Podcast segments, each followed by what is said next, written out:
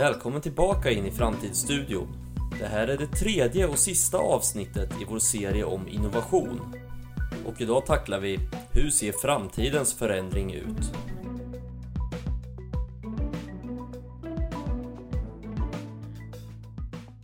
Men om vi nu tittar framåt istället, hur ser framtidens innovationsarbete ut? Hur kommer det skilja sig från dagens?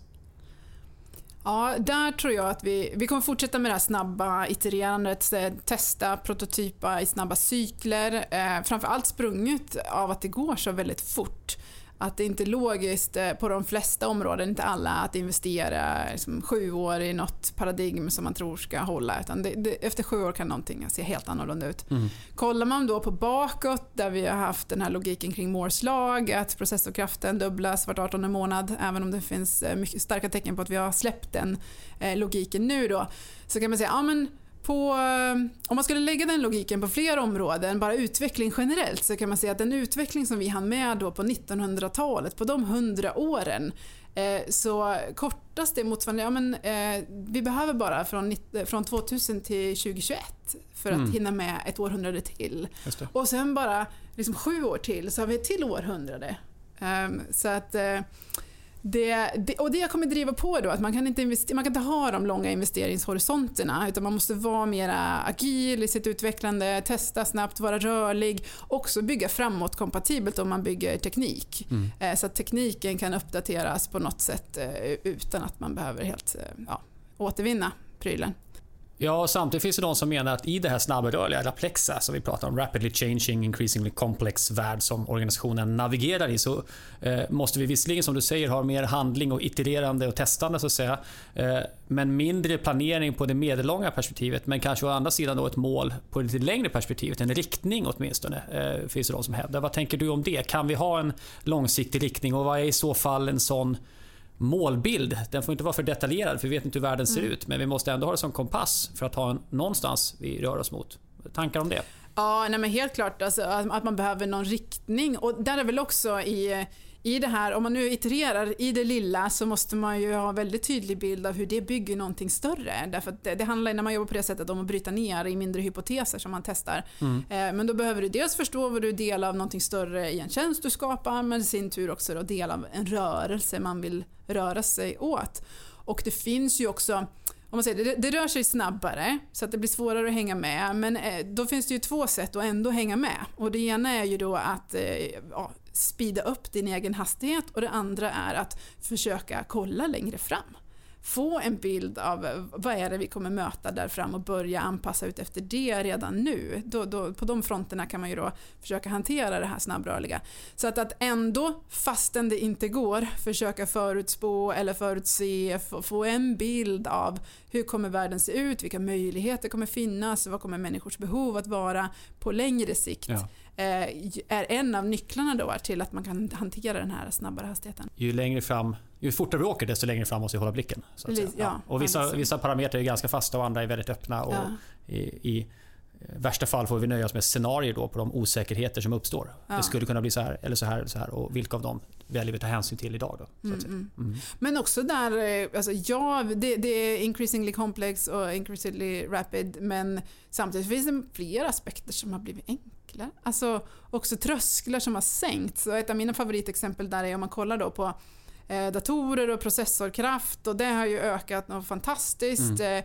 Eh, eh, komplexiteten i vad de kan göra har ökat. Men det som vi möts av som användare är ju enklare än någonsin. Ja, absolut, visst. Alltså, när man började där då behöver man ju vara en liten programmerare för att komma in i vad man nu vill göra. Spela ett spel, rita i mitt fall, ja. i något ritprogram.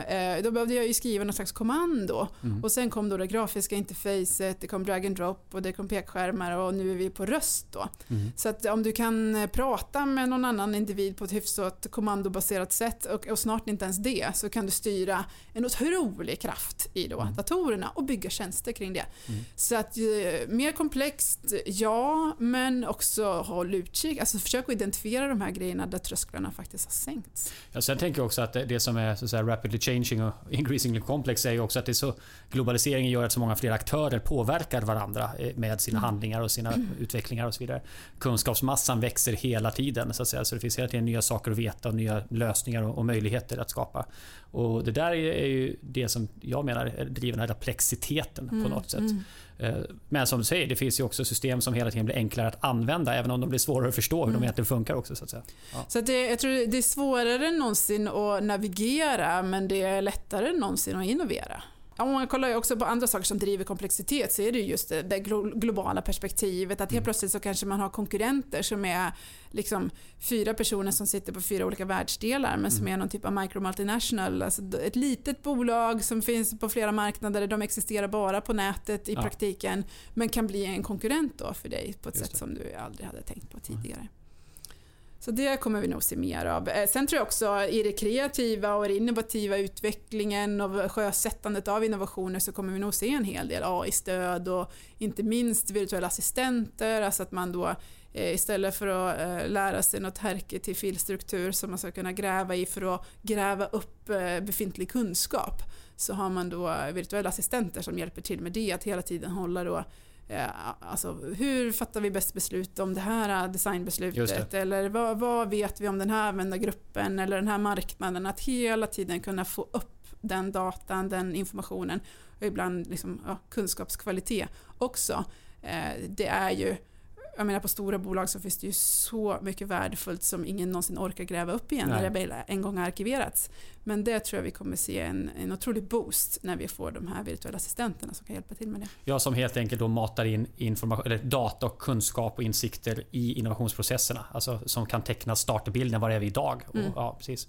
Och då tänker jag vidare också på digitala flöden, eh, Internet of Things, eh, Big Data-analys naturligtvis då som kommer ge oss mm. enormt mycket mer kunskap om hur de system vi innoverar kring faktiskt fungerar och opererar ja. idag. Så att säga. Ja, Precis. Och det tycker jag är intressant utifrån det integritetsperspektivet också och inte minst eh, om vi tittar välfärdssektorn. Så, så här, hur mycket kunskap skulle vi kunna hämta in om vi tillät oss fler, alltså, fler sensorer och avkännare i de flöden som finns. Och var går gränsen för det här? Och, och hur kommer den gränsen flyttas av behovet av effektivitet? Ja, men, som ett exempel, eh, appen som helt enkelt känner av om du är på väg att utveckla någon psykisk åkomma för att den kan känna hur du använder din smartphone. Ja, skulle vi kunna tänka oss att koppla upp den på ett gemensamt system så att någon får reda på att eh, Fredrik, du håller på att må dåligt här. Kan vi hjälpa dig på något sätt? Eh, vore det okej? Okay? För att det är mycket bättre att gå in en månad före det händer mm. än en månad efter. Och vad händer då med personlig integritet? Och så här.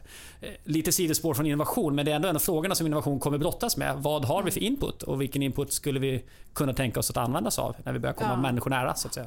Och både där, det finns ju liksom eh, integritetsaspekter eh, men det man måste ha med sig där som bolag eller organisation det är också att det har skett ett otroligt skifte i mindset hos eh, konsumenter och användare eh, åt andra hållet. Att man, man vet att man lämnar ifrån sig så mycket data så att, så att allt som är en, liksom en dålig matchning, något typ av erbjudande till mig som jag absolut inte vill ha. Just det. Då blir jag besviken. Mm. Jag har ju lämnat data till Du mm. vet ju saker om mig. Varför har du inte använt det? Mm. Eh, och så var det ju inte för inte särskilt många år sedan. Så att eh, integritets... Eh, Samtidigt som vi har lyft nu frågan om integritet och fler börjar liksom bli mer medvetna om att vad man delar och kanske backa lite där så har det också skett ett skifte som jag inte tror vi kan backa från. Att man förväntar sig eh, individualiserade eh, erbjudanden utifrån då, vad man har gett ifrån sig. Mm. Om du skulle säga något sista ord till dem som tänker så här, hm, vi vill innovera, vi har nog innoverat inkrementellt som många organisationer gjort över tid, men vi skulle vilja snäppa upp vårt innovationsarbete. Vad tänker du är första stegen man bör ta då? Mm. Jag tror att i det skedet kan det nog vara bra att skaffa sig lite mer kunskap. Eh, inte för att jag inte tror att man kan eh, liksom, läsa sig till då, eh, processer och liknande som vi, man implementerar, man testar något litet innovationsstöd eller eh, kör något projekt eller liknande. Men man kommer förmodligen det jag tror man behöver utbildning och kunskap inom är vad kommer jag möta nu när vi tar det här steget? Om man själv då är ansvarig för det. det. För det, det, kommer en annan typ av eh, motstånd, andra typer av problem eh, som man stöter på när man vill göra någonting lite större. Mm. Eh, och det är bara onödigt att man kommer gå med väldigt, alltså risken är att man går med ganska jobbiga känslor kring det här, varför man känner sig motarbetad till exempel. Det. Eh, när det då handlar om att men det är olika logik. Mm. Och det eh, försöker jag ju verkligen, liksom, verkligen lägga fast att här ska ingen lära sig bara hur det är utan också varför är det på så viset. För det, det ger en annan typ av trygghet. Sen också koppla upp sig mot andra innovationsledare om det är en sån roll man tar sig an. Därför att eh, är man först på sitt bolag så kan det vara ganska ensamt. Det kan verka som ett litet steg mot vad man var projektledare innan men man har otrolig nytta av att träffa andra innovationsledare från andra bolag. Det är sällan som ett bolag sätter på plats tio stycken på mm. en och samma gång. Så ofta är man nog själv. Mm. Um, så att, uh, det skulle jag rekommendera. Är det en rekommendation också till de som har råd att egentligen ha två? Att skapa ett par snarare? Ja, det tycker jag. Ja. Det, tycker jag. Det, det, det, har vi märkt, alltså både i föreningen Innovationsledarna och de, vad kan det vara nu, 100-150 personer som jag har haft utbildning med, eh, att det är många som har haft det ganska kämpigt. Mm. Mm. Eh, men annars så tycker jag alltså att eh, ge sig kast med det, testa, håll det. Liksom alla test i små skala så kommer de, i de flesta organisationer så är det ingen som biter hand av, handen av ändå utan då får man, man får testa och man får misslyckas om man håller det i liten skala. Mm. Och det är det som är så fint om man jämför då jag skrev en bok tillsammans med en kollega på Scania som heter Kreativ när piskan viner, pusselbiten som saknas i lean, som handlar just om man jämför då, alltså i en organisation som jobbar mycket med lean-ramverket och så vill man jobba med innovation parallellt, hur förhåller sig de här till varandra? Men det intressanta där är, vill man införa lean i en organisation, då måste man ha alla med sig. Okay, mm, vill du föra in innovation i en organisation, då räcker det Mm. Att du kan börja i liten skala. Det kan vara en person, du kan vara två, du kan vara tre, helst med ledningens goda minne. Mm. Men du behöver inte ha med alla. Nej. Testa i liten skala och kör. Alltså skaffa sig utbildning om innovationsledning, eh, bli del av ett nätverk och dela erfarenheter och få lite stöd om man kanske känner sig ensam. Och sen börja experimentera i liten skala och eh, få saker att börja röra på sig i det lilla. Du Katarina, jättetack för att du kom till Framtidsstudion. Vi kommer höras igen, så eh, ha en trevlig helg. Tack för att jag fick vara med. Hej, det var Fredrik här igen. Du som tycker det här är intressant och lyssnar på våra samtal ska naturligtvis se till att prenumerera på podden så att du inte missar när de kommer ut. Sen får du gärna hänga med och bli en Kairos Future Friend. Då får du våra nyhetsbrev och tillgång till en del gratis rapporter som man kallar ner från hemsidan. Men om inte det räcker, om du är ännu mer sugen på framtiden och bara måste få tugga i dig lite tyngre texter, då är det Kairos Future Club som du ska bli medlem i.